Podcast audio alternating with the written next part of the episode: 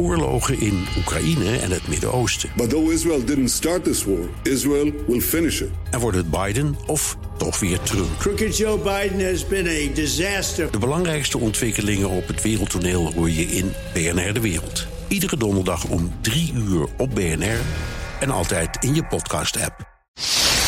Hartelijk welkom bij de Technoloog. Nummer 261. Hallo Herbert. Welkom Ben. Mooi. En we gaan het vandaag hebben over ehm, eh, algoritmisch handelen op eh, cryptobeurzen met name, maar ook wel eh, in andere opzichten, eh, vermoed ik zo. En onze gast hier die knikt al, dat is Alfred Prevot. Hartelijk welkom. Dank. Van het bedrijf Blockchain Investments en ook van CryptoTrader.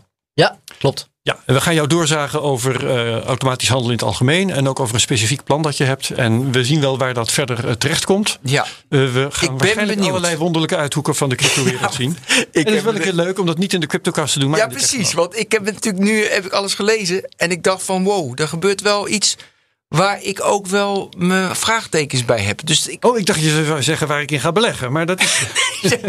nee, nee, maar dat is interessant. Maar eerst de hoofdwet. Eh, het gaat over toegang op afstand met TeamViewer. Daar hebben we het afgelopen weken over gehad. En we herhalen het, want de herhaling werkt altijd. Dus werk op afstand, dat weten we, moet eenvoudig, intuïtief en veilig tegelijk. Dat lijkt vaak onmogelijk te bereiken, maar dat is niet zo. Want ik zei al, dat kan wel met TeamViewer. Krijg overal altijd op afstand toegang tot uw laptops, mobiele telefoons en controleer en beheer deze. En meer informatie natuurlijk op teamviewer.com. Dus check it out. Mooi. Ja. En ehm, het onderwerp algoritmisch handelen ga ik eh, eh, inleiden. En dat heb ik volgens mij wel eens vaker gedaan. Ik weet niet waar, misschien wel hier, misschien wel in de CryptoCast. Eh, ga ik inleiden met een persoonlijke ervaring. Die toch altijd weer illustratief is, vind ik zelf. Namelijk dat ik ooit eens een keertje een bot ergens op internet heb ingezet om voor mij te gaan handelen. En dat was in 2018 in een structureel dalende markt. En wat kreeg je dan? Dat bot die had een vrij eenvoudig algoritme. Heel eenvoudig. Dus eh, die had een hoeveelheid eh, eh, dollars of euro's, weet ik niet meer, waar dat mee begon. En dan gingen de koersen dalen. Ging je automatisch denken: oké, de koersen zijn nu zoveel gedaald. Dat is voor mij het moment om te kopen. Want het gaat vast snel weer een keertje omhoog en dan kan ik weer verkopen. Dat dacht dat algoritme. Dus die koersen daalden, hij kocht. Maar de koersen daalden verder. En dan had hij nog wat euro's of dollars. En dan kocht hij weer bitcoin. En, maar de koersen daalden verder. En dat ging zo'n tijdje door tot het geld op was. En dan zat ik met een hele hoop bitcoins. En de koersen daalden verder. dus toen dacht ik, hmm, in een structureel dalende markt is een eh, bot die voor je handelt eigenlijk helemaal niet zo geweldig. Die gaat op een gegeven moment vastlopen. Eh, Alfred, hoe reageer jij daarop? Want je, eh, het kan slimmer, ga je waarschijnlijk zeggen. Maar vertel dat dus maar. Nou ja, het- het- zeker, het kan slimmer. Maar wat wel heel leuk is in je anekdote, en sowieso leuk om hier weer te zijn. ehm, om, Welkom. om terug Je te was zijn. in 216 was je ook over DAPS. Ja, hartstikke leuk. En, eh, en de CryptoCast hiervoor. Eh, ook hartstikke leuk. Ja. Eh, nee, het, het, het kan sneller, maar wat, of beter. Maar wat wel leuk is aan je anekdote, is dat er eigenlijk ook weer niet een heel slechte trade is gemaakt. Mhm. Want in bitcoins had je waarschijnlijk meer bitcoin dan als je hem initieel had gekocht. Hè? Als je initieel Dat is zeker waar. Ja, je, Je hebt- spreidt het, de, de koopmomenten. Precies. Ja. Dus dat noemen ze dan dollar cost averaging. Algoritmes doen dat ook. Ja. Ehm, En de hard, hardcore bitcoiner zal zeggen van nou prima toch. Als je daarna was blijven zitten en je had de bewegingen van de markt afgewacht. Dan was uiteindelijk toch die koers weer omhoog. Is ook gebeurd. En dan eh, was je nu zeer tevreden met de bitcoins die je toen gekocht had. Ook al ging daarna nog eventjes de koers verder naar beneden. Precies. En wat we daar, nou, daar duiken we bijna gelijk in. Maar wat wel leuk is aan die anekdote is dat het dus eh, heel erg afhankelijk is van wanneer je nou een oordeel vormt. Wanneer vorm je nou een oordeel wanneer je nou goed gepresteerd hebt en wanneer je slecht gepresteerd hebt. En ehm, wat daar dus heel belangrijk is, is dat je eh, soms je oordeel moet uitstellen. En even moet wachten totdat die markt weer herstelt. Of dat even gaat kijken. Dus kijk je op één dag, kijk je op één week, kijk je op één, we- één maand, een jaar. Dat maakt allemaal uit voor jouw oordeel over hoe goed een algoritme eh, het doet. Ten opzichte van gewoon kopen en gewoon verkoop. Ja, maar je moet dus het algoritme kiezen van tevoren al van oké, ik ga kijken naar een jaar, ik ga kijken naar tien jaar of ik ga kijken naar eh, een, een week. Nou, het helpt wel. Kijk, we hebben het over algoritmes. Beetje containerbegrip. Maar wat wel aardig is, is dat algoritmes heel erg in de aandacht zijn gekomen. Hè, door de grote bedrijven, door Google, met de zoekalgoritmes en met Facebook, ja. door alle data-algoritmes. En waar we het hier over hebben op dit moment is handelsalgoritmes. Mhm. En dat is waar algoritmes ook heel soort van be- beroemd en berucht zijn geworden. Van de jaren tachtig, van die snelle trade eh, instituties. Fantastisch boek. Hoe heet dat boek van die ene gast? Weet je, dat ze die snelle lijnen vastlegde. En ja, heel, heel beroep. Ja, het is niet Liar's Poker, maar het is dezelfde auteur, Lewis. Louis, ja. Ja. En dan weet je dat ze die hele snelle lijnen aanleggen. Want als je net 1 duizend seconden snelle, snelle computers. Er Oh, wordt, dat werkt, ja. ja, wordt gezegd dat dus zij bepalen hoe snel Intel een nieuwe chip maakt. Want met die trading, daar zit heel veel geld in. Oké, dus dat vak. Ja, dat vak. En waar we het nu over hebben, die handelsalgoritmes, dat vak, daar heb je, dat is een beetje bekend geworden door die echt supersnelle eh algoritmes. Dus dan is je tijdsperiode waar je naar vroeg best wel kort. Dan Ja, dan gaat je het over seconden. en over en seconden. delen daarvan, ja. Nou, millis, echt milli. Echt milliseconden Zo kort. En je hebt verhalen over dat servers werden verplaatst naar het centrum van New York, omdat ze dichter dan directe zijn. lijnen. directe lijnen, dat ze sneller zijn. Het ene milliseconde van dat die door de datakabel heen gaat weer uitmaakt over de treedsnelheid. En dan gaat het de- niet vooral om de absolute snelheid, maar om sneller te zijn dan een ander. om sneller te zijn dan een ander. En daar zit een heel competitief element in. Ja. En ehm, waar, waar we zeg maar, nu de aanleiding meer naar uitgaat, is, is iets meer eh trendalgoritmes, noem je dat. Dus iets meer algoritmes die zijn gericht op nou, iets langere periode.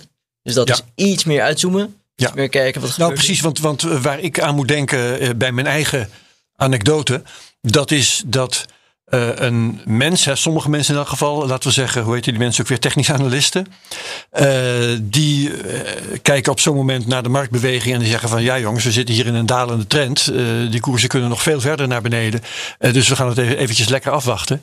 En dat algoritme is dan vergeleken daarmee, algoritme dat ik gebruikte, ontzettend dom omdat het daar geen rekening mee houdt dat die trend een hele tijd kan doorgaan. En, en geen signalen oppikt dat die trend is wat die is. ja, En dan denk ik, als ik dan zeg het kan slimmer, dan bedoel ik dat eigenlijk. Je zou algoritmes willen die op een of andere manier de kenmerken van een markt van een bepaald moment weten te En lezen. zich direct aanpassen als het En dan als zeg- een ja. trend zien het daalt alleen. En ik moet dus, in de, en ik moet dus mijn eh, koopstrategie eventjes aanpassen aan hoe de markt er op dit moment uitziet. Dat, dat zal toch ook wel kunnen, neem ik aan. Precies. Nou, kijk, ehm, als je het hebt over algoritmes, is eigenlijk één woord heel belangrijk. En dat is backtesting. En backtesting, wat, Dat woord heb ik gezien. En daar komen we straks inderdaad op. Maar vertel nu maar vast. Leuk. Nou, een kleine introductie gewoon voor mensen die backtesting niks zegt. Want ik denk dat de technoloog-luisteraar of iemand is die zit thuis te programmeren en die zit vol in de JavaScript en die maakt websites eh, of die bouwt computers. Maar je hebt ook de mensen die misschien niet eh, eh, die interesse hebben eh, met, met, hun, met hun werk, maar wel geïnteresseerd zijn in technologie en alles wat er omheen zit. Nou, backtesting. En voor back, backtesting betekent gewoon, heel simpel, wat als ik het algoritme bijvoorbeeld een jaar geleden had gestart? Ja, loslaten op oude gegevens. loslaten van oude gegevens. Wat was er dan gebeurd? En dat noem je dan historic data backtesting. Je hebt ook Monte Carlo en parametric en allemaal andere manieren. Maar historic data is ongeveer wat, nou op dit moment, zeg maar even 60% van alle banken gebruiken. Als je nu een bank hebt in de eurozone, dan is er ongeveer 60% kans dat die bank, als het een grote bank is, eh, historic data backtesting gebruikt. Dus de backtesting die we het vaakst zien en, en het meest kennen en, en, en waar de, de, de meest bekende resultaten vandaan komen, de meeste wetenschappelijke artikelen over zijn geschreven, et cetera. Dus dat is eigenlijk het eerste. En dan kun je heel goed testen. Nou, ik zet hem een jaar geleden aan, of ik zet hem, doe alsof ik een jaar geleden het algoritme start. Wat heb ik nu? Ik heb nu, eh, als we het hebben over bitcoin, ik heb nu twee bitcoin, Zoiets. anders had ik er één. Of andersom, Ja. als het niet zo goed gaat. Je, gaat, je begint met een fictief kapitaal en je kiest een strategie. En dan ga je kijken hoe had, het, hoe had die strategie het gedaan. Precies. En wat het mooie daarin is, je kan heel veel testen. En als mens, als je gaat traden, dan weet je niet precies wanneer je moet kopen en verkopen. Je kijkt naar de signalen, je kijkt naar de indicatoren en je hoopt patronen te herkennen. En je hoopt hè, dat ze goed mogen te doen en los te staan van je emoties. En dat is eigenlijk met algoritmes, is het zo dat je staat los van je emoties. Maar je kunt ook heel veel testen. Kunt heel veel kijken naar hoe gedraagt een algoritme zich nou in een opgaande markt, in een neergaande markt, in de zijdelingse markt. En daar, met al die data, kun je in ieder geval een betere inschatting maken. Dan kun je risico's ja, verkleinen. ja, ja. Oké, dat boek is Flashboys. Heb ik net even. Ah, ja, dat- precies. We kwamen er niet op te weten we dat ook weer. Ehm, ja, maar het hangt natuurlijk wel in welke periode je gaat backtesten. Want backtest je namelijk eh, op. eh, je gaat vanaf bijvoorbeeld tijdens de financiële crisis. Of met de corona dat even alles naar een een beetje knalt. Ja, Maar je wilt natuurlijk je algoritme eh, testen op alle dingen die ooit gebeurd zijn. Dus je begint dus je in backtest gewoon 1900. in 1900. Dus ja, ik weet niet, Alfred, eh, gebeurt dat? We- Op alles wat er gebeurd is. Nee, dat gebeurt niet. Als je, als je gaat backtesten, kies je dan een bepaalde periode. Want eh, Tuurlijk. Ben heeft gelijk. Je kunt een cruciale periode niet in je backtest hebben zitten waar jouw algoritme gefaald zou hebben. Nee, klopt. Kijk, het, het punt is een beetje bij algoritmes dat je ervoor moet zorgen dat je. je, hebt, je hebt altijd een, ehm, eh, een klein gedeelte wat je mist. Want de toekomst is nooit precies hetzelfde als het verleden. Dat is waar. Dus je, je hebt sowieso al een gedeelte wat je mist. Ja. En daarnaast heb je nog events, hè, gewoon inhoudelijk, die net kunnen afwijken van wat er gebeurd is. Pandemietje. Ja. Pandemietje. Nou, maar daar heb ik ook een anekdote over. Als ik je even in de reden mag vallen. Kom maar met al je in anekdotes de, vandaag. in de, ja, ja, dat is geweldig. In de jaren tachtig had je eh, de, de crash van, eh, wat was het, oktober 1987. 87, hè? hè? 87. Zoiets. Zo, 28. Ja, dus toen hadden we een paar dagen van eh, ernstige koersdalingen. En niet zo heel lang daarna, ik was toen net begonnen met werken en ik verdiende al wat geld en ik had wat te beleggen. En toen verscheen er opeens een, ik weet het nog goed, een fonds ten tonele hier in Nederland. En dat heette Groeigarant. En die maakte reclame met het feit dat ze backtesting hadden gedaan. Dat heette toen niet zo, want dat, mensen, dat heb ik toen niet ben ik toen niet tegengekomen, dat woord. Ze van ja, eh, onze, eh, ons handelsalgoritme, dat noemden ze ook niet zo, maar in elk geval onze strategie, die hebben we losgelaten op de periode van die grote crash van onlangs. En was er uitstekend uitgekomen. Dus ik leg er geld in. En dat is, uiteindelijk heb ik het verkocht met, ik geloof, 40% verlies of zo. Na jaren dat er helemaal niks gebeurde met dat fonds. Dus, Omdat ze die crash mee hadden genomen. In de nou, ze, hun algoritme, niet? eh, even aangenomen dat hun bewering waar was, eh, overleefde dus wel die grote crash van oktober 1987. Maar deed het daarna gewoon helemaal niet goed. Ja, het is ook heel goed dat je dat noemt. Het is ook heel goed dat je zegt hè, dat je kritisch bent. En dat je zegt, nou, maar er zijn ook momenten dat het niet goed gaat. En dat kan ook. Maar het is wel zo dat, eh grosso modo, met heel veel testen en met heel veel ehm, eh, lessons learned eigenlijk. Ja, maar dat daarom zeg ik ook, je moet zoveel mogelijk, want eh, hoe meer, eh, onder hoe meer omstandigheden je algoritme goed blijft doen, hoe groter de kans dat het in de toekomst goed Precies, je vergroot gewoon je kansen. En dat, dat, dat is eigenlijk de essentie een beetje van. eh, aan de ene kant heb je aspecten van de cryptomarkt met name omdat die nooit slaapt. Dat je altijd algoritmes kan gebruiken. Dat hartstikke nuttig is, want Ja, omdat nou mensen eenmaal- niet altijd wakker kunnen blijven, bedoel jij? Precies, we kunnen niet altijd wakker blijven. En als je dat wil nabootsen, dan heb je op zijn minst verschillende tijdzones mensen nodig. Eh, maar ook wat je, wat je aangeeft, van ja, je kunt gewoon leren van de lessen. En je vergroot de kans dat iets misgaat eh, aanzienlijk. En we gebruiken al heel veel Je algoritmes. verkleint de kans dat iets misgaat. Eh, sorry, ver- verkleint de kans dat iets misgaat. Even, even wakker blijven. ja, heel Ja. scherp. En ehm, eh, dat is denk ik wel iets waar we aan gewend zijn geraakt al een beetje. Ehm, maar nog niet echt zodanig dat we, dat, we ehm, met, dat, we, dat we als individu, los van instituten, gewend zijn om die te gebruiken. Dus we, vaak is het zo dat Facebook die gebruikt voor Google en daar maken we dan weer gebruik van als gebruikers. Maar we zijn niet echt gewend aan dat wij de partij zijn die een algoritme in bezit heeft. En dat is wat we zien bij steeds meer platformen, en waaronder ook zeker bij ons. Dat we aan het kijken zijn naar, naar die algoritmes, dat het echt gedemocratiseerd wordt. Dus dat we steeds meer gebruikers hebben die, die, die er gebruik van maken en daarnaar tweaken. Steeds meer ontwikkelaars zijn er ook. Maar echt eigenaarschap is nog niet. Echt eigenaarschap van een algoritme. Nee, dat is interessant. Ja, sorry het is Ben. interessant. Ga, ga je gang. Ja, is deze. Want nu, je triggert me. Ik had een andere vraag, maar nu trigger je me. Ga je gang, hoor. Dus Ga je gang. ik kan zeg maar een algoritme, zeg maar de regels van het algoritme, algoritme een set of regels. Dus ik kan die regels die, die ik aans, die mij aanspreken, die klik ik bij elkaar. En dan heb ik mijn eigen algoritme. En ik denk met dit algoritme ga ik treden. En jij Ja. mag met mij meedoen. Eh, dus het is heel erg laagdrempelig. De, een developer maakt hem helemaal zelf. Maar jij wil hem zo democratiseren dat iedereen dat kan. Want dan kan ik ze bezitten. Ja, dat zit erin. Hè? Maak het makkelijk voor mensen. En tegelijkertijd is het zo, als je niet begrijpt, als je niet die dat Lego steentjes bij elkaar wil rapen, of als je er geen tijd voor hebt of wat dan ook, kun je ze ook kopen. En dat bestaat nog niet. Je kan nog niet, je kan wel een developer aannemen en je kan die gaan uitleggen. Ja, ik heb dit gedaan, ik heb dat gedaan. Ik wil graag dat het algoritme zo werkt of zus werkt. Maar je kan ook zeggen, nou, daar heb ik niet zo heel veel zin in. Maar ik heb wel het idee dat ik een algoritme, als ik op de juiste knop kan drukken met test, en kan zien of die goed is, Moet je nooit doen. dat ik hem kan kopen. Moet je nooit doen. Nou, Je waarom moet niet? hem nooit kopen. Nee, omdat namelijk een, een algoritme.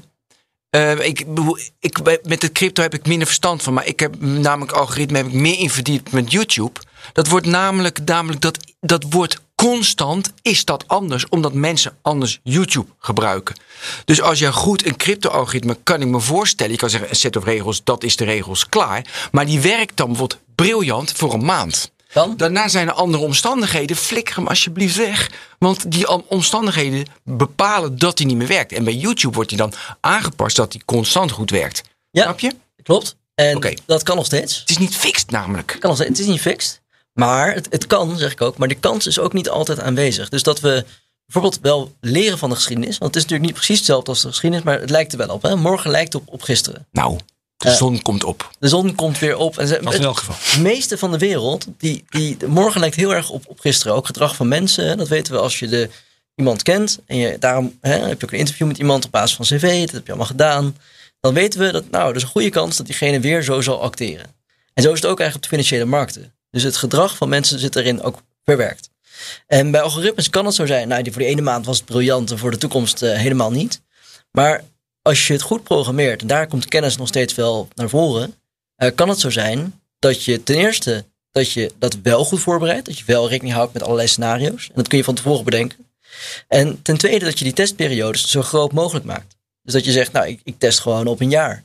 En kijk hoe dat dan gaat.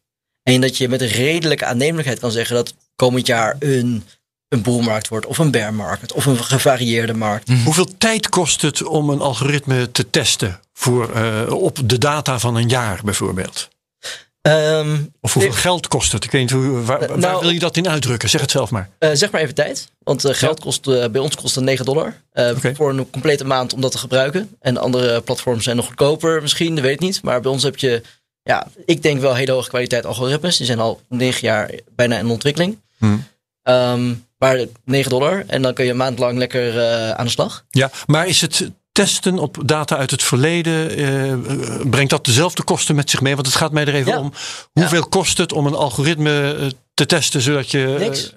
Niks. Niks. We kunnen ons gewoon backtesten. Je kunt klikken op backtest. En dan zeg je Ah. deze periode. En dan zeg je ik wil bitcoin testen. Of ik wil ethereum testen. Of ik weet niet wat jouw nieuwe crypto is. Waar jij helemaal fantastisch... eh, Shiba Inu. Shiba, oh ja, Shiba Inu. Nou ja, bij wijze van spreken, dat kan ook. En dan zegt, nou, ik wil het testen. En dan moet je ook nog rekening houden met welke exchange. Dus waar verhandel je hem normaal? Dan klik je daarop. En dan klik je gewoon op test. En dan wacht je ongeveer één of twee minuten. Als het niet minder is, hè, kan ook 10 seconden zijn. Hangt af van de periode die je selecteert. Dat, dat bedoel ik. Hè? Als je dan zegt, ik wil het over eh, nou ja, tot, tot 2008. Nou, dat, dat, toen waren er nog geen exchanges, dus dat is makkelijk. Maar tot 2010 of zoiets wil ik dat eh, testen. Dan kan dat, maar dan kost het gewoon eh tien keer eh, een paar minuten. Of Ja. Dus dan Ja. praat je over een half uur. Nou, meestal is het echt sneller hoor. Kijk, we gebruiken natuurlijk echt de servercapaciteit. En die servers zijn inmiddels snel genoeg. Maar, Ehm, Dus ik test dat en dan zeg ik van, nou ja, weet je wel, top. Of ik zeg slecht. Nou, die slecht is, die koop ik niet. Als die top is, koop ik hem. Ja. En dan denk ik na een maand, hij is slecht. Dan doe ik hem weer op de markt. En dan kan iemand, dus, dan kan iemand anders hem testen en kopen. En dan verhandel ik weer mijn algoritme dat ik in bezit had. Ja. ja ik verzin het ter plekke, maar ik kan, kijk, je hebt gewoon een paar aspecten. Ik, ik denk dat het ook nog goed is om even iets te melden, gewoon algemeen. Want anders denken mensen, waarom zit, eh, zit Alfred hier? Eh, ik, ik ben bij de ECB heb ik eh, gewerkt hiervoor, de Europese Centrale Bank. Daar heb ik me bezig gehouden met backtesting twee jaar lang. Oké. Al die handelsportfolio's van de banken, die kwamen altijd langs mij. En die analyseerde ik. En zij moesten hun backtesting resultaten doorgeven. En als je een algoritme wil laten werken, dan is ongeveer 60, 70 procent van de tijd kost eh, backtesting. Als jij een goed algoritme wil maken, is het steeds proberen, testen, proberen, testen, tot die uiteindelijk is. dat je optimaliseert hem de hele tijd. Op een gegeven moment kan je hem niet meer optimaliseren. Dan stop je en dan zijn die regels klaar. Precies, precies. En, en dat is dus, ja, ontzettend interessant. Want we kennen al die verhalen van de grote banken met hun wheel traders. En eh, oh, die heeft op de verkeerde knop gedrukt. Die trader bij UBS is er met 2 miljard vandoor gegaan. Of heeft het laten verliezen of wat dan ook. Eh, maar bij crypto is dat allemaal nog aan het komen. En we kennen crypto ook wel een beetje als, nou, aan de ene kant heb je de cowboys. Aan de andere kant heb je de institutionalisering. En de hele serieuze kant. Maar we weten wel 100.000 procent zeker nu. Dit crypto, dit, dat, dat gaat niet meer weg. Dat is gewoon nu echt een onderdeel van de maatschappij Ja. aan het worden. Nou, we weten ook dat die markt nooit slaapt. Dat is uniek. We weten ook dat daar eh, grote, eh, met grote snelheid veel meer liquiditeit in plaatsvindt. Dus instituties kunnen ook erop zitten. Het is gewoon een ideale beroepplaats voor algoritmes. Dus dan is het belangrijk om dat heel goed te begrijpen. Nou, algoritmes begrijpen betekent je kan ze ontwikkelen.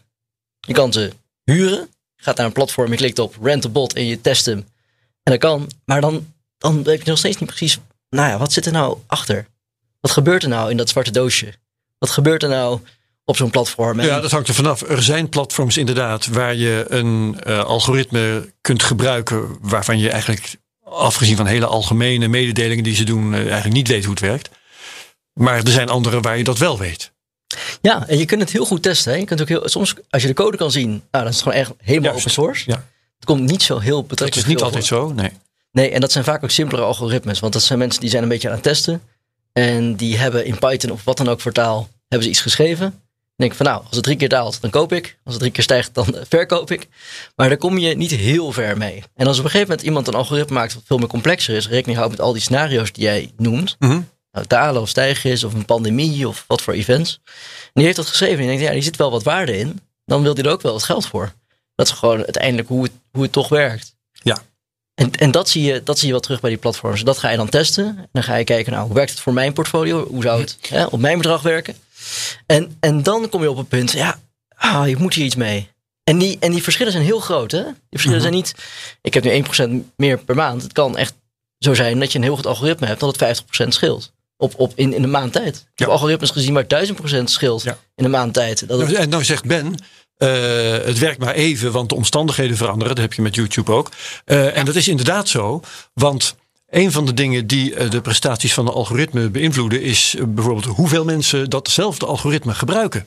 Ja. Dat heb ik intussen ook begrepen. Dat als iedereen zich stort op één fantastisch werkend algoritme, iedereen gaat, zich, gaat die strategie gebruiken, dan faalt die strategie. Want dan werkt het niet meer. En ook werkt bijvoorbeeld de, de aanwezigheid van andere bots die werkt eh, de resultaten in hadden. Dat ken je allemaal. Hè? Als eh, de koersen beginnen te duikelen eh, op de cryptomarkten, dan komen er allemaal, eh, hoe heet die dingen weer, stop-loss orders komen in werking. Het zijn in feite ook bots. Hè? Als die er niet waren, dan gedroeg de markt zich anders. En dat betekent dat algoritmes die actief zijn, die moeten daar ook rekening mee houden. Een Kortom, tweet van, Elon- ja, een tweet van Elon Musk. ja, eh, nou ja, de- dat zijn vol- volstrekt onvoorspelbare dingen. Dus eh, die dingen, die omstandigheden veranderen. En daarom zal een gefixte strategie uiteindelijk niet lang werken. Toch? Nee, ja, eh, het kan hè. Het kan. Een gefixte strategie, die moet je vaak upgraden. Dat gebeurt ook. Nou, precies. En eh, ze hebben wat je, wat je noemt algorithm decay. Dus dat betekent Mhm. de, de, de, het, het algoritme wordt langzaam minder waard. Omdat het nou eenmaal minder Juist. goed past op de nieuwe markt. Dat is inderdaad een, een ding in, in de markt waar jij in zit. Dat een algoritme eh, een soort halfwaarde tijd heeft. Een, een, een maximale houdbaarheid. Ja, en dat is echt een ding. Dat is echt heel belangrijk. Tegelijkertijd is het ook zo. Dat, dus aan de ene kant heb je dat probleem minder als je huurt. Hè? Want stel je huurt een algoritme.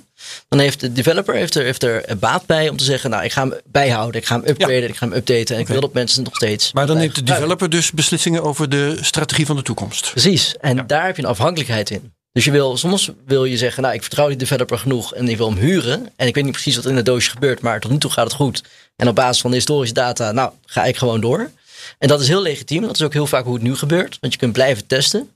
Ehm, maar tegelijkertijd zit er ook iets wrangs aan van een afhankelijkheid. Tegelijkertijd ben je dus afhankelijk van die developer en hoop je maar dat die het goed update, of Ja. goed upgrade en bijhoudt. Maar dat is ook al naar gelang eh, hoe de klant in elkaar zit. Want sommige klanten zullen dat prima vinden. Laat iemand anders het maar opknappen. Terwijl andere klanten zich ermee willen bemoeien. Ja, en wat je ook, je hebt ook klanten die zeggen, eh, eh, laat een andere maar opknappen, maar ik wil wel zelf de controle houden. Ja, Ja. Dat is waar Ja. eh, eigenaarschap naar voren komt. Oh ja. Dus nu kun je creëren, kun je huren, maar eigenaarschap worden van een bot, dat is veel complexer. Want dan ben je zelf de eigenaar. Je lokt hem in time eigenlijk. Je zegt, nou, op dit moment wordt het algoritme heel goed. Het werkt voor mij.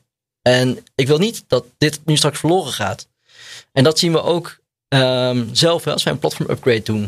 Dan krijgen we al die vragen. Wat, wat verandert er dan? Ik wil niet dat het te veel verandert. Ik wil niet dat het te veel aangepast wordt. Dus je hebt ook een beetje die discussie tussen zeg maar eh, hoeveel wil je uitbesteden en hoeveel wil je juist controle houden. Tuurlijk, snap ik. En dat is bij algoritmes is dat wel een ding. En, ehm, en NFT-algoritmes, als je daar naar, naar komen we kijken- op. Ik wil, eerst, ik, wil, ja, ik wil eerst even nog iets vragen. oké, ja. Want we zeggen van een halfwaardetijd, de, de effectiviteit neemt af. Maar je hebt toch ook wel, hoop ik, een algoritme die ziet van mijn, Mijn regels activiteit, mijn, mijn effectiviteit neemt af. neemt af. Ja. Ik pas het aan met, de- met mezelf aanpassend Heb je vermogen. het over kunstmatige intelligentie? Ja, en dat die gewoon me aanpassen en dat die wel zo effectief mogelijk eh, blijft. Ja, kan. Ja, heb je, eh, ken je- ja, geef je voor, voorbeelden? Nou, er zijn, er zijn zeker voorbeelden van. En ehm, wat het eigenlijk doet, hè, is dat, is dat het algoritme zelf nadenkt of kijkt, wat gebeurt er nou in de wereld? Wat gebeurt er? Ehm, en, en, en die past de code daarop aan. Dus die kijkt, bijvoorbeeld social media analysis was een hele tijd heel populair. Om te kijken, nog steeds eigenlijk wel, om te kijken naar al die berichten in de social Sentiment. media. Sentiment. En die kijken dan naar het sentiment en die acteren erop. En die passen zich steeds aan. En iedereen kan zich daar iets bij voorstellen. Want dat is ook een beetje hoe wij als mens acteren. We kijken naar de berichten, we analyseren die. We maken van kwalitatieve data een soort van kwantitatieve data in ons, in ons brein. En dat zetten we om in een beslissing. En een algoritme kan ook zo werken. Maar De vraag is wel of dat ehm, niet ook mis kan gaan. Er zit ook een, een, een kant aan die eh, lastiger is. Dus je moet er heel prudent mee Ja, omgaan. lastig te controleren. En mensen willen dan dat toch weer controleren. Dus een, een vaste set of rules. Maar je zou... Ja, ik snap hem. Kijk, eh, ook, het, alles heeft voor- en nadelen. Dit heeft een voordeel van, hey, je gaat mee met de tijd. Het nadeel is, het is wel je geld. En het, het is je geld, dus dat betekent, eh, ja, wil ik nog wel... ehm, Ja, je moet alleen maar met speelgeld in crypto zitten. ja, dat weet je. absoluut. absoluut. Oké. Eh, investeer alleen wat u bereid bent te doen. Precies, ja, precies. Hey, een- andere. Waarom doen we dit eigenlijk allemaal? Dat eh, automatic trading en zo? Waarom is dat Om nodig? rijker te worden. Dat is de, de enige reden? Nou, weet jij andere, Alfred? Ja, kijk, het zit er zeker een... eh, Of omgekeerd, hè? Om niet armer te worden. Ja, het- Want ja. Je, je wilt een, een crash Ja. overleven, bijvoorbeeld. ja, er zit, dus we- ja, oké. er zit een groot argument in van, van vermogen en vermogenbeheer. En, en iedereen wil dat ehm, waarborgen. En zeker met crypto hè, zijn we allemaal opeens eigenaar geworden van onze eigen bank eigenlijk. En zijn we allemaal een soort van minibank geworden. En dan wil je, dat wil je beschermen. Ja, om niet armer te worden. Niet armer te worden. Maar en, en eh, tegelijkertijd is het ook zo dat. ehm, ja, het heeft ook te maken met controle, denk ik. Het heeft ook te maken met. eh, eh, ja, wat ik al zei, eigenaarschap. En ook meegaan met de toekomst. Alles wordt uiteindelijk algoritmisch gedreven. En het is ook een beetje: if you can't beat them, join them. Ehm, je kunt van algoritmes vinden wat je wil, maar het zijn uiteindelijk door mensen geschreven scripts. Hè? Dat vergeten we nog wel eens. Ja. Gewoon wij die dat typen. Het kan ook een computer zijn als je echt sophisticated algoritmes hebt. Maar dat werkt toch, is toch niet zo of wel? Ja, je hebt, je hebt ze wel die, goed- die goed zijn. Hè? Je hebt, ehm, hoe heet dat bedrijf ook weer van Pieter Thiel? Ehm Palantir. Palantir, ja, daar gebeurt ook heel veel. Ja, maar dat is ook... Ik, eh, nou, ik denk aflevering 150 of zo. Zoiets. Maar dat was best wel poppenkast ook hoor. Ja? Ja, is heel veel, eh, heel veel poppenkast. Nou, kijk, dus dat heb je wel. Maar ik denk dat, dat zeker voor crypto, hè, eh, dat, daar, daar, eh, we hadden het net over historic data backtesting. Nou, complexe term, maar we kijken naar de geschiedenis. Die geschiedenis is bij crypto nog best wel kort. Ja. Dus we willen toch een soort mate van zekerheid hebben in die nu al zo gigantisch volatiele markt. En dat is wel belangrijk. Dat je toch een beetje. Ik denk dat we er wel naartoe gaan, wat je noemt. Met, met meer eh, zelflerende algoritmes ook bij crypto. Maar nu hebben we zo'n korte dataset. We hebben zo weinig informatie nog. Kun je Ja. even, ehm, eerst deze. Kun je een, een voorbeeld geven? Jij gaf net een mooi voorbeeld dat je daalt en dan moet je kopen. Want, Ja. nou, en zo. Kun je even, wat misschien wel leuk, even een paar algoritmes vertellen wat ze doen? Zeker, nee, zeker. Kijk, je hebt. ehm dus algoritmes is, is een containerbegrip. En sommige, voor sommige developers die luisteren nu, die denken, nou, dit, dit weet ik echt al lang. Of sommige traders. Maar bij eh tradingalgoritmes heb je eh, soorten. Dus je kunt het zien als eh, categorieën.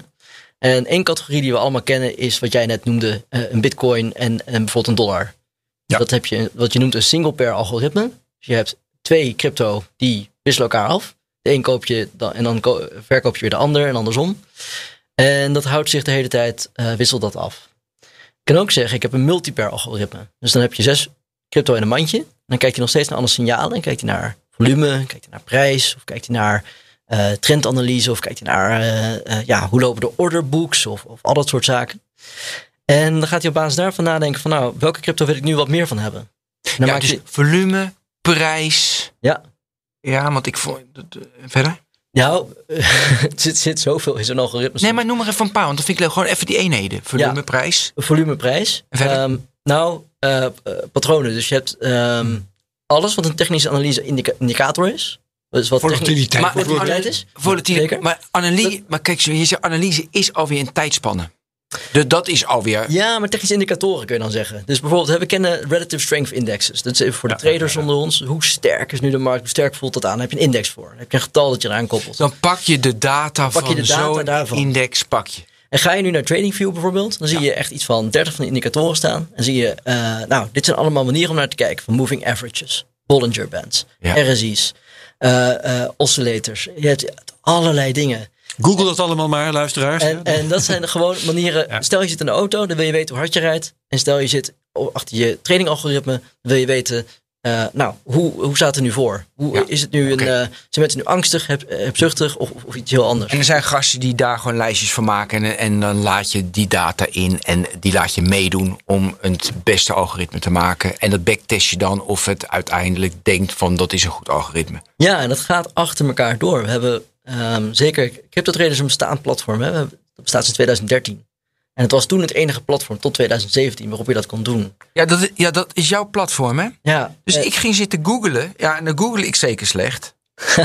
Maar wat is de, wat is de URL? Nou, cryptotrader.org. Maar dat is weer een verkooppraatje, hè? Dat moet ik wel opletten. Nee, weet ik, maar dat mag niet. Cryptotrader.org. Nee, maar daarom, weet je, had ik, was ik best wel, ja, want ik dacht van, hè, gewoon normaal googlen en ik kon het niet. Oké, ik ga er nu naartoe, ga maar door. Ja, nou dat komt omdat we druk bezig zijn met de nieuwe versie. Dus we hebben versie 1.0 gehad. Die, is- die is, dat is die versie uit 2013 nog. Ja, please, coming soon, please keep me updated. Oh, en je kan erdoor klikken naar de oude website. Dat kan gewoon. Maar wat ik zou aanraden is even wachten tot inderdaad die nieuwe website is. Want we zijn nu alle code aan het vernieuwen. Daar zijn we al een jaar mee bezig. Uh, we, we zijn al met een, uh, een, een, een private beta bezig ook. We zijn al aan het testen. Maar dat nieuwe platform, platform moet je ook vernieuwen. Die moet je zeker in één keer in acht jaar, negen jaar, dan wordt het wel eens tijd voor een grote schoonmaak. Ik bedoel, Facebook eh, bestaat nog maar elf jaar of zo, geloof ik. Dus dat moet je blijven doen. Nou, dat zijn we nu aan het doen. En we hebben het platform overgekocht vorig jaar. Dus we hebben een overname gedaan. Nou, hartstikke leuk. Maar wat betekent dat dan? Dus dan moet je wel goed zorgen dat je alle systemen, het gaat om geld van mensen of crypto van mensen. En als je, volgens mij is dat geld. Daar wil je wel heel prudent mee omgaan. Dan wil je wel zorgen dat die systemen echt goed werken. Dat als er inderdaad een daling is, dat niet het algoritme opeens zegt, nou, uh, ja, dat, is leuk. Allemaal, dat is allemaal logisch dit. Dat is allemaal logisch. Dus dat, dat zijn we nu aan het vernieuwen. En als we aan het vernieuwen zijn, kijken we ook naar, nou ja, wat doen eigenlijk algoritmes? We stellen gewoon de vraag, waarom zijn ze er? Wat kunnen jullie er nu mee? En wat willen mensen ermee?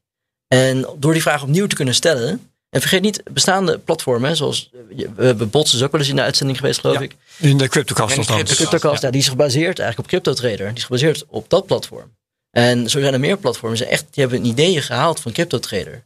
Ja, dat platform is uh, uh, minder actief geworden over de loop der jaren. Wij hebben het overgenomen. We zijn het nu aan het vernieuwen. En we zijn er heel ver in. Uh, maar dat is wel de originele. Het is wel de, de, allereerste platform waar dat gebeurde. En dat maakt het zo leuk. Er was nooit iets aan marketing gedaan. Er was gewoon een programmeur. Die was uit liefde Ja. Daar. Hè, En dat is trouwens even de, de verklaring voor wat Ben signaleert. eh, dat het slecht te vinden is. En eh, dat ze, Ja, dat is het is niet zo ja. dat jij het hebt laten sloffen, maar je, Nee. hebt, het, je hebt het geacquireerd en bent het nu aan het, eh aan het eh, opkalefateren. Precies, precies. Het is een acquisitie geweest. En we zijn eh, gewoon bezig om te zorgen dat die systemen zo goed werken als maar eh, kan. Dus dat, dat, is- dat, dat we gewoon weten, je gaat er straks heen. Het ziet er mooi uit, ziet er toegankelijk uit. We maken het makkelijk voor mensen om het te maken, om zijn algoritme te maken. We maken het makkelijk om te testen. We geloven wel in dat je dat goed moet democratiseren. Maar we geloven ook dat het echt goed moet werken. Ik bedoel, je hebt wel die betrouwbaarheid nodig van een eh, echt goed werkend platform. Ja. Eh, dus dat heb je gekocht. En eh, hoe waardeer je zoiets? Wie heeft het verkocht? Hoe zit dat? Die- ja, het is echt een programmeur uit, uit Rusland die dat heeft gemaakt. Oh, Ja. lachen. Het is- Het is een mooi verhaal, want het is echt iemand die ehm, zelf uit Rusland kwam en, en, en best wel moeite had om eh, toegang te kunnen hebben tot de financiële sector zoals wij dat heel natuurlijk vinden. Hè. We als, als we heel jong zijn hebben we al een zilvervlootrekening eh, geopend bij de Rabobank en dan kreeg je een pakketje mee. En dit is iemand die had moeite om, bij, om, om bepaalde financiële producten te krijgen. Noem maar een hypotheek of wat dan ook. Gewoon omdat het financiële stelsel daar anders werkt dan hier. Daar moet je meer documentatie aan leveren, meer controles. Ja, dus die, hij begon crypto traden. hij begon crypto traden. En hij had vroeg al, heel vroeg al, crypto gekocht. Begon crypto traden, had zelf algoritmes gemaakt. Dacht, hey, ik maak een site waarop andere mensen ook algoritmes kunnen maken. En dat is natuurlijk best een mooi idee. Hij, geloofde erin dat ja, die algoritmes, die werkten gewoon extreem goed. Echt, echt hele bijzondere resultaten. Het hele hoge kwaliteit algoritmes, omdat het het enige platform was vier jaar lang. Dus mensen gingen er altijd naartoe, gingen daar eh, alles updaten, gingen daar alles upgraden. En op een gegeven moment is het wel zo dat je dat echt, echt moet blijven bijhouden. En dat is ook een punt wat jij maakte, Herbert. En eh, op een gegeven moment had hij dat niet meer gedaan. Dacht ik ben er klaar mee. Ik ga hem nu verkopen. Het is mooi geweest. En hij had ook al eh, nou ja, iets moois neergezet. En eh, vond, het, vond het wel tijd. En toen nou ja, kwamen we eruit. Overgekocht. En al die algoritmes zitten nog wel in de database. Dus die kunnen we weer inzetten. Die zijn niet compleet verstoft. Integendeel. Want toen waren er ook op, op en neergaande markten, zeg maar. Ja. Maar ja, dat is, dat is eigenlijk een beetje het verhaal. Dus hij, ging in crypto, een beetje een herkenbaar verhaal van financiële inclusiviteit. En zette daarmee eigenlijk een soort van standaard. On, ondanks dat hij het zelf niet doorhad. En nu is het tijd eigenlijk om te zeggen, nou, hoe kunnen we dat nou weer opnieuw in het leven blazen? Op een manier dat heel veel mensen daar weer makkelijk toegang toe hebben. En omdat we wel een bestaande logica hebben, omdat we een bestaand idee hebben, kunnen we dat wel makkelijker doen dan als je nu met z'n drieën in de schuur zit en zit na te denken op een whiteboard. Hoe gaan we dat nou aanpakken? We hebben nu al iets staan. Ja, ja. Oké. Ehm, jij ontbrak, Alfred, daarnet NFT's. in een verhaal over eh, eigenaarschap van, eh van Bots. Ja, en daar gaan we nu verder over hebben, denk Ga- ik. ja, vind ik ja, ook. ja, want dat is waar jij naartoe wil. Eh, ik, ik signaleerde zelf net dat ehm, eh, bots eh, vaak slechter gaan werken als meer mensen er gebruik van maken. En jij zegt eigenlijk, eh, eigenaarschap van die dingen is, is daar een oplossing voor. Ja, het is echt gewoon zeker een goede manier om dat te voorkomen. Ja, dat denk ik echt. En we hebben ehm, de hele NFT-hype een beetje nu. En die hype is een beetje begonnen met CryptoKitties, maar ook, ook met, met spelletjes, maar ook met, met plaatjes nu heel erg. Hè. Sommige plaatjes van NFT's zijn heel veel waard. En dan is het argument, ja, maar het is authentiek. Maar authenticiteit, dat werkt heel goed in, denk ik, in de echte wereld. Omdat je daar de penseelstreken kan zien van een Van Gogh. En dan een kopie is gewoon niet ja, diezelfde kwaliteit. Nee, ik, eh, ik, ik vergelijk het zelf altijd met ehm, eh, zo- zoals de NFT-markt nu functioneert. Je koopt vaak een kopie met een handtekening erop. Ja, Dat is in feite hoe het werkt. Maar jij zegt dat dat kan ik werkend maken als het gaat om algoritmes. Kan een algoritme kan ik een echtheidskenmerk geven? precies. Moet je uitleggen, ben ik bang. Ja, nou kijk, ik denk dat daar de echte waarde zit. Kijk, Mhm. NFT's zijn eh, leuk als, als, als waardeerkenning, denk ik, voor plaatjes. Maar de echte waarde zit hem wel eh, veel meer in software. En dat geloof ik omdat algoritmes wel complex blijven. Ze blijven niet super makkelijk om bij elkaar te klikken. En een goed werkend, hoogkwalitatief algoritme te maken. Want Zit normaal, gespre- normaal gesproken ook auteursrecht op, hè? op een eh, Ja. algoritme, op software. Precies, zit, Ja. zit IP-recht op. Ja. En de meeste algoritmes zijn gewoon niet zo goed. Je, ook in die apps die je tegenwoordig ziet, ik noem er geen namen, maar eh, de kwaliteit kan soms echt eh, laag zijn. En de resultaten kunnen dan soms ook lager zijn als je het algoritme niet zou gebruiken. Dat kan. Ma- Mag ik daar... Daar moet je dus voor testen. Ja, je mag daar iets over vragen. Ja, tuurlijk. nee, nee, nee, je- mag als je eh, graag dit verhaal wil afmaken, maar ik heb wel iets, een algemene vraag nog. Laat ik hem maar op je afvuren. En Dat is namelijk dit.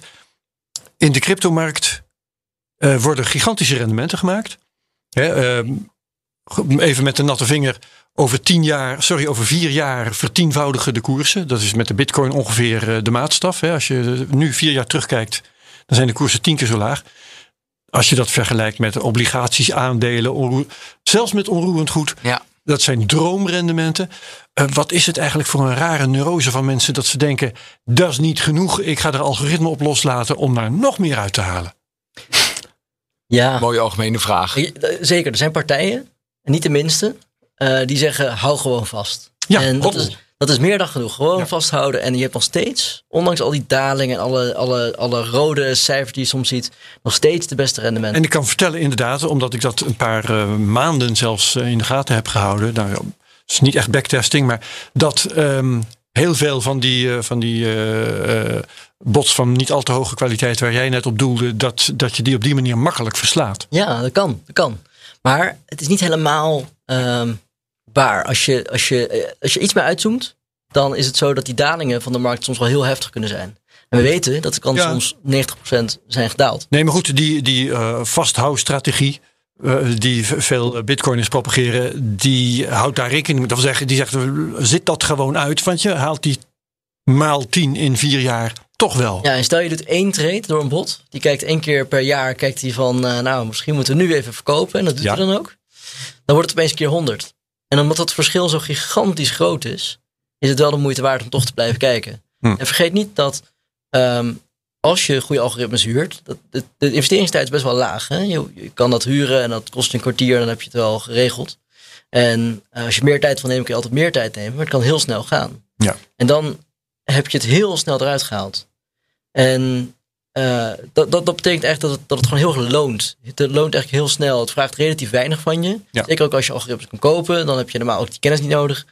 Dan ehm, betekent het dat je, dat je die controle hebt. En die kennis niet nodig hebt. En dat betekent dat je... Maar hij wordt niet geoptimaliseerd. Dat is natuurlijk het nadeel van kopen. Ja, Da- daar nee, waren nee, we al. zeker. Absoluut. Ehm, Dat eigenaarschap. maar, die, ja, maar die slechte algoritmen die je zegt, er zijn hele slechte. Dat is toch gewoon een lijstje. en Uiteindelijk verdwijnen die, want er zijn eh, goede auto's en slechte auto's. En als je heel slecht bent, dan verdwijn je. Ja, ik snap het probleem niet. Nou, dat is best een... Natuurlijke selectie. Ja, maar we zitten nog aan het begin. We weten nog niet precies welke de goede zijn en welke de slechte. Dus Nee, maar je wilde geen namen noemen met slechte. Dus dan, zeg je van die Nou, slechte zouden ook weer goed kunnen worden. Kijk, er zijn, zijn gewoon partijen in de markt op dit moment die zich er makkelijk van afmaken. Ik denk dat ik dat wel open en publiekelijk hier kan zeggen. Er zijn partijen die zich er makkelijk van afmaken. Die, die, ehm, die algoritmes publiceren die wat, die wat niet Ja, maar goed, dat is ook tijdelijk natuurlijk. Want dan vallen ze uiteindelijk Nee, de markt. maar- Of niet, of ze profiteren, dan zijn ze weg. Nou, Ja, en, maar daarom is het wel belangrijk om nu ehm, nou ja, wel aan te geven A dat het bestaat. En B om mensen te waarschuwen ook een beetje. Ja. eh, dat het er is. En, en ook eh, te zorgen dat je wel hoge kwaliteit levert. En dat je wel het onderscheid ook maakt en wil maken. En,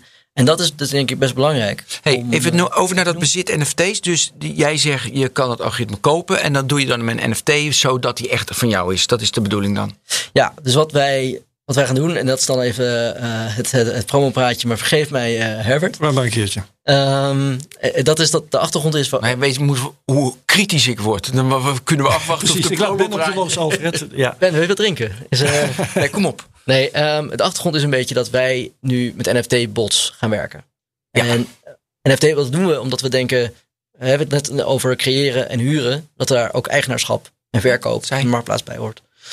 En NFT-bots is ehm, iets wat wij hè, willen, willen, willen incenti- incentivize, eigenlijk willen motiveren bij mensen middels een eigen token. Nou, die brengen we uit, dat combineren we met een algoritme platform. En dan heb, heb je toegang zeg maar, tot die, het kopen van die algoritmes.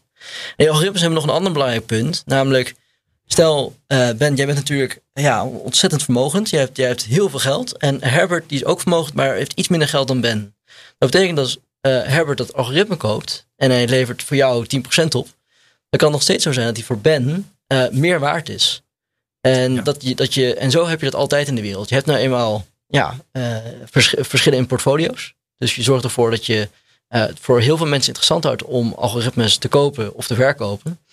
En dat betekent ook dat je relatief waardevast kan investeren in zoiets. Maar be- bedoel jij erop dat Ben dan zou kunnen, een, een bot zou kunnen doen op het algoritme dat ik heb? Ja, precies. En ja, dan En kan je kunt van tevoren de backtest, je kunt van tevoren de backtestresultaten zien. En dat is heel belangrijk. Je weet van tevoren over welke periode die is getest. Je weet van tevoren wat de resultaten waren. Ja. En dan kun je zelf kijken, nou, die periode denk ik dat dat voor mij van toepassing zal zijn. Dan denk ik dat voor mij die winst, als die er is, en dat is dan x percentage, eh, nuttig kan zijn. En dan kan je, ehm, nou ja, met best wel grote zekerheid toch, relatief grote zekerheid, zoiets kopen. En, als het voor Ben meer waard is dan voor jou, omdat hij een grotere portfolio heeft, dan kun je daar ook weer van profiteren. Dus wat je bij, de- bij de plaatjes ziet, weet je niet of het volgend jaar nog heel veel waard is. Maar bij algoritmes heb je toch een grotere kans, ondanks dat de omstandigheden veranderen, dat je wel ehm, ja, een- een toepassing hebt die. Vermoedelijk. En het is weer een handelsmiddel. Dat is een, Maar ik heb wel een vraag hierover. Want als ik het nou vergelijk met die NFT's die ik nu voorbij zie komen. In de vorm van plaatjes. Ik denk dat die vergelijking wel handig is om even bij de hand te houden. Dan valt mij op eh, dat meestal er eh, plaatjes worden eh, verhandeld als NFT. Waardoor mensen kunnen zeggen van oké, dit ding heb ik hè, met een echtheidskenmerk. Maar evengoed zie ik die plaatjes dan toch nog op eh, allerlei websites voorbij komen. Hè, Want deze NFT is voor. Maar goed, het plaatje kan ik gewoon zien. Dus hoe denk jij te voorkomen? Stel dat ik dat algoritme heb met, eh, als NFT. Dat betekent, ik, nou, ik ben eigenaar, ik heb dat ding, het staat ergens. En ik kan dat gebruiken. Maar eh, hoe zou ik dan kunnen voorkomen dat een ander dat ook gebruikt? Eh, want dingen kunnen nog steeds gekopieerd worden eh, als kopie, maar dan zonder die NFT die eraan hangt. Dan kan een ander, ander het ook gebruiken. Net als dat plaatje. Zeker, het, het, het kan, hè? Dat, dat, risico bestaat. Maar je moet eigenlijk, wij hebben, zorgen ervoor dat we juridische waarborgen hebben, maar ook technologische waarborgen, waarmee je dat zo goed Ja. mogelijk verkleint. Maar dan, dan, dan verander je het in een soort handhavingsprobleem. Het is niet technisch onmogelijk dat een ander het ook gebruikt. Het is alleen illegaal. Ik zou daar juridisch actie op kunnen ondernemen. Zeker, dat is één aspect. Maar ik denk dat moet je het allebei ook moet doen. ontdekken. Ja, je moet denken, ja, zeker. Maar wat dat betreft ehm, merk je het ook wel een beetje. Hè? Dus je hebt natuurlijk eh, verschillende soorten algoritmes, maar je merkt wel als er een, eh, wat we net noemden, wat, wat Ben mooi noemde, als er een daling is, dan is er soms een hele grote daling en dan gaan al die algoritmes in actie. En ik geloof dat jij het ook noemde met je stoplosses, treden dan in actie. Nou, dan zie je zo'n cascade eigenlijk, zo zie je Ja. zo'n soort waterval ontstaan. Ja. En als je, dat vaak genoeg, als je dat vaak genoeg ziet, dan kan je ook wel voorstellen, nou, misschien zijn er wel een hele hoop van dezelfde algoritmes bezig. Dus je hebt daar wel op zich methodes voor, een beetje, een beetje behavioral economics, dus een beetje gedragseconomie. Ehm, maar je, je wil dat echt zo goed mogelijk beperken en je wil daar echt aan banden leggen. En je wil zorgen dat je dat, je dat, dat gebruikt, dat er regels voor zijn. Nou, dat stellen wij op. En we geven ook vertrouwde plek voor mensen om dat te gebruiken. En we zorgen er ook voor dat er goede incentives zijn, dat die aligned zijn tussen de verschillende stakeholders met zo'n, wij noemen dat dan de blockchain investment token.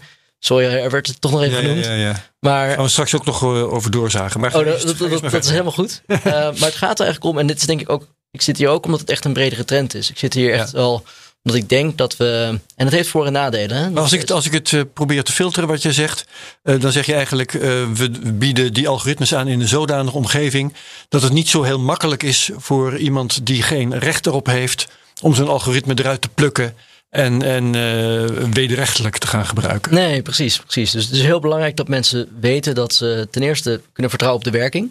Ten tweede kunnen vertrouwen op eigenaarschap of huren of creëren. Dat het allemaal gewoon goed loopt. En eh, ten derde dat ze eh, heel, goed, heel transparant kunnen zien wat nou het voordeel is. En dat is uiteindelijk gewoon, je hoeft het niet te gebruiken. Je kan ook gewoon zeggen, houd het gewoon vast. En daar is echt Ja. een legitieme strategie als je daarvoor kiest.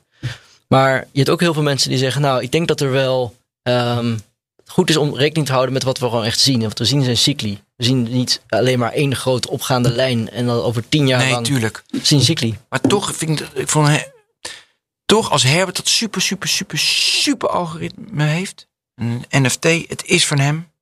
Je hebt allemaal in, maar iemand kan het gewoon pakken en ook gebruiken. En dat kan Herbert alleen maar juridisch zeggen, want dat heb je dichtgekit.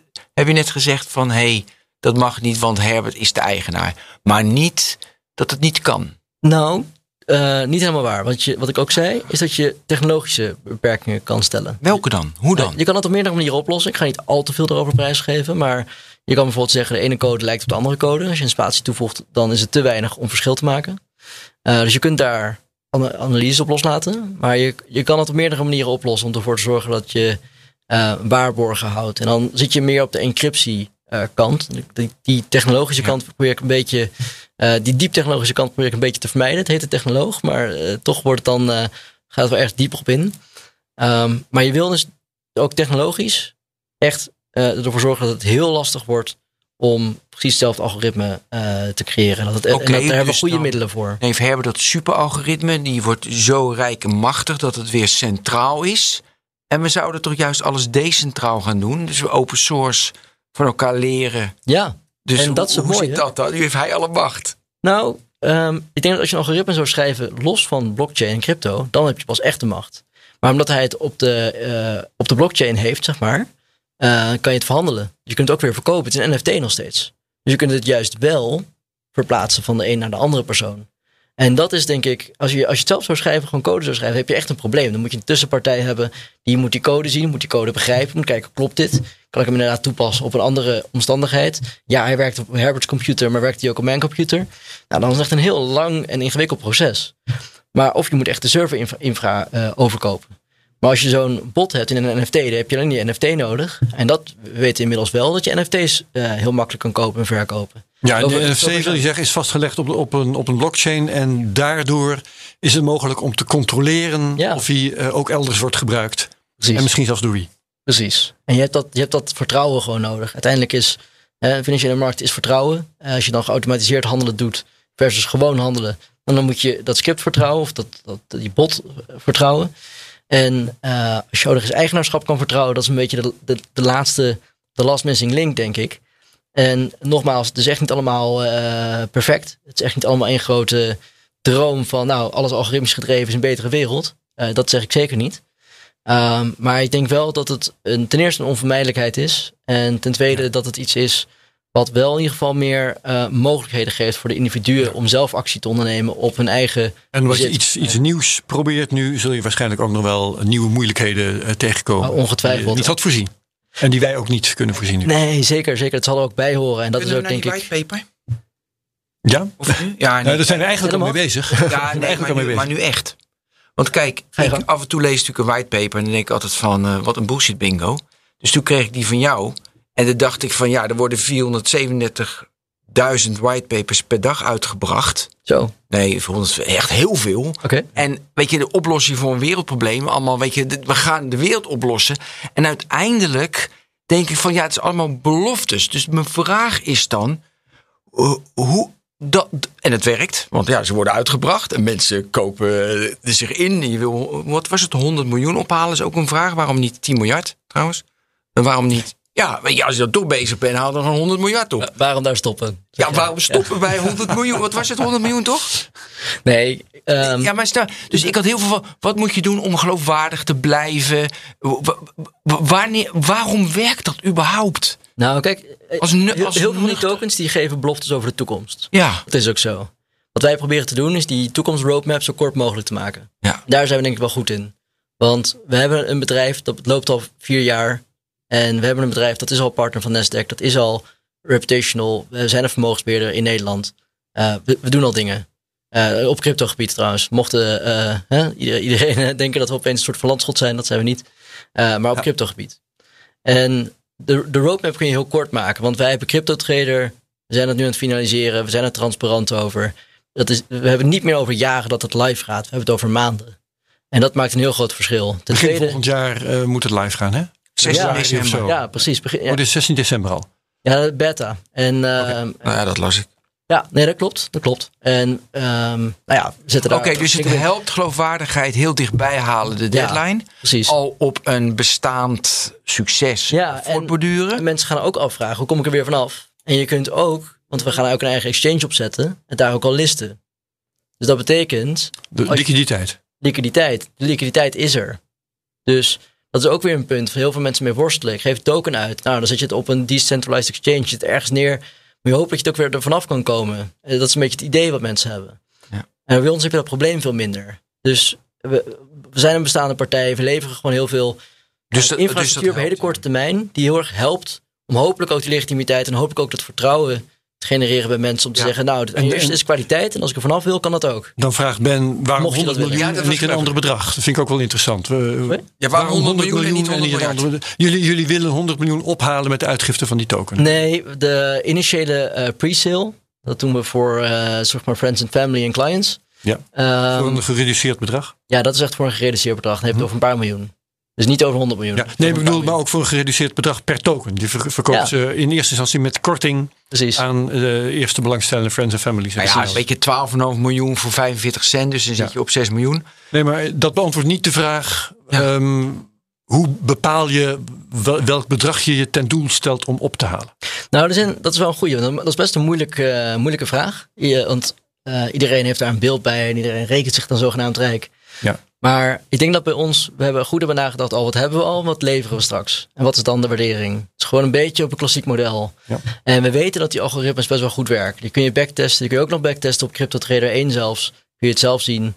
Ehm, maar we hebben ook gewoon backtestresultaten in de whitepaper gezet. Dan kun je zelf zien wat dan de resultaten zijn. Nou, dat kan je echt wat opleveren. Dus dat is gewoon heel concreet. Mensen kunnen dat gebruiken, gaan dat gebruiken. Weet je, hey, dat levert wat op. Ehm, ten tweede is het zo dat je eh, moet gaan nadenken over, nou, wat wil je nou bereiken? Je wil een gedeelte ehm, bereiken met je, met je token. Eh, dus onze, onze BitToken die ehm, wil nou ja, een aantal eh, zaken die te maken hebben met tokenomics en governance goed op orde hebben. We doen ook wat met liefdadigheid. Nou, klinkt dan een, eh, een beetje als een soort van side project, maar wij nemen dat best wel serieus. We werken ook al samen met een, grote charity. Ehm, Welke? Room to Read werken we nu mee samen. Een hele fijne partij. We- Dat gaat over basisonderwijs. En het gaat over eh, kinderen toegang geven tot basisonderwijs in ontwikkelingslanden. Eh, maar intussen praat je over, eh, ik zal maar zeggen, dingen die je regelt om het bestaan voor zo'n van zo'n token in goede banen te leiden. Ja, precies. Maar wat ik nog niet heb begrepen is waarom er eigenlijk een token nodig is. Want je kunt toch algoritmes verkopen ehm, zonder een token erbij. eh, Nee, dat kan, dat kan. Maar dan krijg je eh, andere problematiek. Je wil eigenlijk ervoor zorgen dat de, dat de incentives aligned zijn. Ik denk dat alles wat met tokens te maken heeft, of nou onze token is of een andere token, heeft te maken met incentive alignment. Zelfs met fiat geld. Het gaat erom dat wij als maatschappij werken op een manier dat we een incentive hebben om arbeid te leveren, of een huis te kopen, of zelfstandigheid te geven, of te zorgen voor onze medemensen. En nog veel meer trouwens. Maar eh, zo zien we ook een token. We zien het token als een incentive mechanisme voor mensen om ehm, ja, de, de, de juiste ehm, sturing te krijgen in wat ze kunnen doen in de mogelijkheden. Terwijl ze gebruik maken van die tradingbots. Ja, terwijl die ze bijvoorbeeld gebruik maken van trading tradingbots. Of dat ze, ehm, nou ja, er zit ook een stu- Maar stukje... je kunt ook een andere token gebruiken. Dat is toch Een bestaande bedoel jij? ja, bestaande. Ja, kan. Met het risico dat je dan dus die afhankelijkheid weer heel erg hebt. En eh, dit is ook een layer 2 oplossing. Hè. We maken gebruik van een bestaand netwerk. E- Ethereum, dacht ik. Ja. Ethereum, Ja. ja. En nou ja, dat betekent ook dat we ehm, reeds op een ander netwerk werken. Maar tegelijkertijd wel nog de mogelijkheid hebben om ja, toch een beetje richting te geven aan het beleid. Dat is uiteindelijk waarom je dan een eigen token uitgeeft. Ik denk dat dat echt, echt heel belangrijk is. En, en, en Onafhankelijkheid. ja, een zekere mate van onafhankelijkheid. Als je een andere token zou gebruiken, wat betekent dat voor jouw bedrijf? Als mensen, als, als investeerder, hè? Als dan Vitalik Buterin onder de bus komt, dan heb jij opeens een probleem. Ja, en ook. Ik, we zitten nog wel in een fase uh, dat, dat dat kan, maar ik denk dat dat inmiddels wel meevalt. Uh, hij is uh, volgens mij zijn er nee, goed, maar de, van die dingen die buiten je macht liggen. Ja, Overigens, ja, ook als je een, een, eigen token hebt, dan ben je overgeleverd aan, aan dit soort effecten. Want als de hele cryptomarkt gaat tanken, dan heb jij ook een probleem. Nee, zeker. Daar moet je op letten. En daar, maar daar, daarvoor dus juist algoritmes voor, Herbert. Oh ja. dus, nee, goed. Nee, kijk, je, je wil gewoon ervoor zorgen dat je... Uh, uh, natuurlijk zit er een aspect aan van uh, klantenbinding. Zit er zeker een aspect aan van okay, gewoon een ja, bedrijf. Dus dat is, ja, dat is eigen belang. Dat is eigen belang. Ja. Maar er zit ook een, een belang aan gewoon dat, dat de prikkels goed lopen over de hele linie. En dat kun je een klein beetje sturen met zo'n token. Ik denk dat dat voor iedereen ook wel het te maken heeft met de nieuwe soort vorm van bedrijfsmodellen die we zien ontstaan op die blockchain. En dat wij daar een onderdeel van willen zijn. Ja. Wij, wij gaan als bedrijf van investeerder naar participant. En dat is voor ons ook spannend. Dat is voor ons ook uh, heel interessant en heel leerzaam. We leren veel beter hoe, nog, hoe de cryptomarkt werkt dan we al deden met ons, onze analyses. En we gaan van uh, vermogensbeheer naar meer een ecosysteem. Hmm. Dus uh, ja, dat, ge dat geeft wel een heel ander soort leerproces. En we hopen daarmee ook heel veel ja, kennis op te doen. We hebben ook niet alle antwoorden al. Maar um, ja, ik denk dat, dit, dat, dat wij misschien de eerste partij zijn. Maar we zullen vast niet de enige zijn. En dat dit gewoon een trend is die heel interessant is om in de gaten te houden voor de luisteraar. Nee, maar de, de, even, heel duidelijk. De, de eerste partij, zeg jij, waarbij je algoritme training, algoritmes kan kopen. Ja. Met een NFT. Ja. Dat is het. Op een bestaand platform, met gebruikers, et cetera. Dat ja. is uniek in de wereld. Ja, dat is voor, voor zover ik weet, is dat echt uniek. Omdat het gewoon heel lastig is. En het is ook heel lastig. Het is gewoon. Ja, sorry, ik blijf het herhalen. Maar het is, het is een complexe materie. Dat blijft het wel. En we willen het toegankelijk maken. En voor zover ik weet zijn we echt de eerste. Ja, dus dat is uh, innovatie waar u bij staat. Um, wat ik daar nog over wil vragen, hè, een, een, eigen token. Uh, daar is rondom uh, het uitbrengen van allerlei tokens is in 2017 een hele hoop gesodemieten geweest. Hè. Het werd ook links en rechts verboden. Vandaar mijn vraag, mag dit eigenlijk wel? Ja, wij hebben een partij uh, bij gehad, advocatenkantoor, Zuidas Advocatenkantoor. Uh, mag ik ze noemen? Volgens mij mag ik ze ja, wel noemen. Noem ze maar. Uh, Weten we ook uh, wie het gezegd heeft? Ja, nee, Baker en McKenzie hebben wij gevraagd. Dat is gewoon een vooraanstaand advocatenkantoor wereldwijd. En die hebben we om advies gevraagd. Die hebben ons uitstekend van advies voorzien.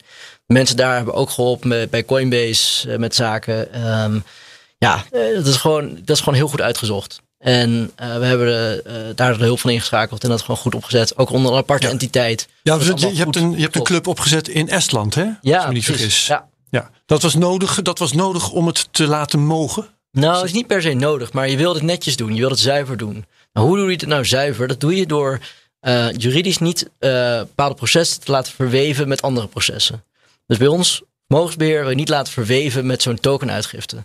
Dus dat wil je apart gewoon scheiden. Wil je heel zuiver doen. Tegelijkertijd is het ook zo, we willen ons voorbereiden op de toekomst. Nou, Estland is gewoon heel goed voorbereid op de reguleringstoekomst. Ja. En ik denk dat ze daar, uh, wat ik ook heb gemerkt, met, ik heb daar meerdere BV's nu opgericht. Uh, ze hebben gewoon een heel goed systeem daarvoor. Ze hebben een heel goed uitgewerkt vanuit overheidswegen al. Uh, wat nou betekent om een BV op te zetten, wat voor vrijheden uh, we geven aan de, aan de burger en wat voor vrijheden uh, we ook niet geven en hoe we het standaardiseren. En dat gedigitaliseerd. En dat hebben ze echt Ja. heel goed gedaan. Als je het uh, wantrouwig formuleert, dan zou ik zeggen dat dat doen ze om uh, buiten bereik van de Nederlandse bank en de autoriteit financiële markten te blijven. Nee, want de echte regelgeving is MiCA. Uh, is Markets in Crypto Assets. Daar wachten we allemaal op. En dan zijn we. Europese regelgeving die in de pijplijn zit hè, op dit moment. Precies, dat is Europese Ja. regelgeving. En daar gaan we allemaal mee te maken hebben. Dus iedereen die met crypto Ook, te ook maken heeft. Ook Estland, want dat is gewoon onderdeel van de Europese Unie. Ja. Dus daar, we gaan niks uh, ontduiken of wat dan ook. Helemaal niet. Integendeel, we bereiden ons juist voor. En als oud toezichthouder vind ik dat gewoon heel belangrijk. Dat we ons blik op de toekomst houden. En dat we compliant zijn. Ja. En met Mika kunnen we dat daar heel goed doen. We hebben daar ook een goed advocaatkantoor ook aan de grond. Dat ons heel goed helpt. En waarmee we echt het vertrouwen ook hebben dat we daar ook goed op kunnen voorbereiden. En uh, in Nederland zou het ook kunnen. Uh, het is nou eenmaal zo dat hier toch iets meer zweem van onduidelijkheid heerst. Uh, zeker de afgelopen anderhalf jaar was het toch wat onduidelijk. We hadden een rechtszaak gehad met Betonic en DNB. Ehm, Ja, over de registratieprocedure. over de registratieprocedure. Er zijn best wel wat, wat zaken toch geweest ja, die eh, ons in ieder geval een gevoel gaven van onduidelijkheid. En waarvoor we hebben gezegd, nou, we gaan naar Estland kijken. Om goed voor, voorbereid zijn op de toekomst. En, en ieder bedrijf dat, dat om zichzelf om te bepalen wat de beste manier is. Eh wij denken dat hiermee gewoon de, de meest prudente manier is gekozen eigenlijk om, om voor te bereiden. Ja. Als ik het dan eh, nog weer eens anders formuleer, want dat vind ik toch wel interessant om dat nou even met jou duidelijk te krijgen. Ehm, jij zegt dus eigenlijk de eh, onduidelijkheid van de Nederlandse regelgeving heeft ervoor gezorgd dat jij de wijk hebt genomen met dit deel van je bedrijf dan naar een land waar de regelgeving duidelijker is. Waar we denken dat we zij het beste voorbereid zijn op MICA. Op de nieuwe regelgeving, nieuwe Europese Mhm. Regelgeving. Ja, ja, ja. Ja, waar we dat vertrouwen. Ja, eh, Estland is hebben. beter eh, voorbereid op toekomstige ontwikkelingen in de crypto dan Nederland. Nou, dat durf ik niet met zekerheid te zeggen. Maar die verwachting heb ik op dit moment wel. En dat kan dus nog veranderen. Ja. Maar we denken dat we in ieder ja, geval hiermee met meer zekerheid dat hebben kunnen doen inderdaad. Ja, oké. Ja. Ben, We zijn klaar toch? ja, ongeveer wel. Ik wou jou vragen of jij klaar was. nou ja, ik, ik had. Als je nog wat te vragen hebt, vraag. Nee, ja, even Dit- over, iets over het uur, maar we, we hebben iets vergeten namelijk. De, de- die backtesting was een van de methodes. Toen zei jij, je hebt andere methodes. En nu zit ik de hele uur zit ik al Oh. van, wat, wat, wat was dat nou? Jij, jij stelt dan die vraag, wa- wat heb ik nou gemist? Ja, Ja, nou, ik, eh, je hebt op zich niks gemist. Want backtesting is nog steeds het allerbelangrijkste onderdeel. Maar welke je heb je hebt daar nog meer? soorten in. Je hebt daar op basis van historische data kun je eh, Ja, ja, die hebben we. testen. Maar je kan ook testen met bijvoorbeeld, wat noemen ze Monte Carlo? Dan doe je simulaties met een computer. En dan doe je 10.000 van die dat simulaties. eens gehad hier trouwens. En eh daar heb je ingewikkelde eh, computers voor, of grote computers voor, die dat eh, heel snel kunnen. En ongeveer, ik geloof 10% van de banken maakt daar gebruik van. En 30% is dan ongeveer parametrisch. Dat doen ze met econometrische modellen. Ga je proberen te simuleren hoe dat dan zou werken. Maar dat is dus minder goed dan hoe het backtesten. Nou, Minder effectief, ehm, minder... Nee, er is heel veel discussie over. Het is zeker niet minder goed. Maar we denken wel nog dat historische data het meest. eh heeft de langste hi- geschiedenis sowieso. Is het meest onderzocht. Het meest eh, ja, ook wetenschappelijk onderzocht. Eh, maar ik heb, geloof zelf ook heel erg in parametrische modellen en Monte Carlo modellen. En dat is zeker iets voor de toekomst naar te kijken. Maar ik denk dat die Nog niet zo ver zijn. nog niet zo ver zijn. En dat daar nog wel een wereld in, in te winnen valt hoor. Maar, is er nog een derde hoe methode? Nee, de pa- parametrisch. Eh, en Monte Carlo en eh, historische data. Ook. Dat zijn de drie dus de grote drie. soorten eh, backtesting. En met historische data denken we gewoon dat we het meest benaderen. Nu- Oké, dat heb je wat, wat nu de. Ja, oké, dat, dat zat heet het in mijn hoofd. Ja. nee, mooi. Nog even de planning. Alfred, wat gaat er de komende tijd gebeuren met dit innovatieve plan van jou? Eh, nou, de planning is dat ehm, we nu bezig zijn met de token sale. We zijn nu bezig met het afronden van de, van de pre-sale registratie. Ehm, dus eh, ja, eh, voor mensen die daar nog interesse hebben, je hebt nog een paar dagen. Eh, dat is voor nu. We gaan daarna eigenlijk zo, goed, zo snel mogelijk zorgen dat we gewoon ehm, ten eerste een degelijk platform afleveren. Dat inhoudelijk alles klopt, dat de systemen kloppen. En ten tweede ook de public launch voorbereiden. Zodat het grote publiek interesse kan tonen in de, in, de, in de token. Ook hopelijk die natuurlijk kopen. En is die public launch ook al gepland? Is daar een datum voor geprikt? We hebben nog geen vaste datum. Ik zou hem nog niet durven noemen. Maar we mikken nog op voor de kerst. Maar het belangrijkste is dat we alles op orde hebben. Daar gaan we gewoon voor. Dat eh, lijkt me duidelijk. Ja, precies. Dat is, eh, nou ja, dat, dat lijkt me duidelijk. Maar dat, dat, eh, je, je- hebt natuurlijk, zoals jij weet, Herbert, heel veel van het soort projecten waarbij het minder goed is voorbereid. Mhm, Ja, En hier zit een, ja, wij denken dat het een reputabel bedrijf te zijn. En dat willen we ook zo uitstralen met deze, deze launch natuurlijk. Dus Ja. dat hoort er ook bij. Oké. Nou goed, ehm, dat gaan we wachten. We, we gaan zoveel mogelijk nuttige links in de show notes zetten voor mensen die eh, eh, willen nakijken wat hier allemaal gezegd is. Ik dank je hartelijk. Ja. Alfred Prevot van Dankjewel. Blockchain Investments eh, van CryptoTrader. En die token die heet de Blockchain Investment Token, hè, de, de BIT. Ja, de bit Dus eh, ja, ja, ja. oké, dat wordt spannend. Ja. Bedankt Herbert. Dankjewel Ben. Tot de volgende technoloog. Ja. Hoi.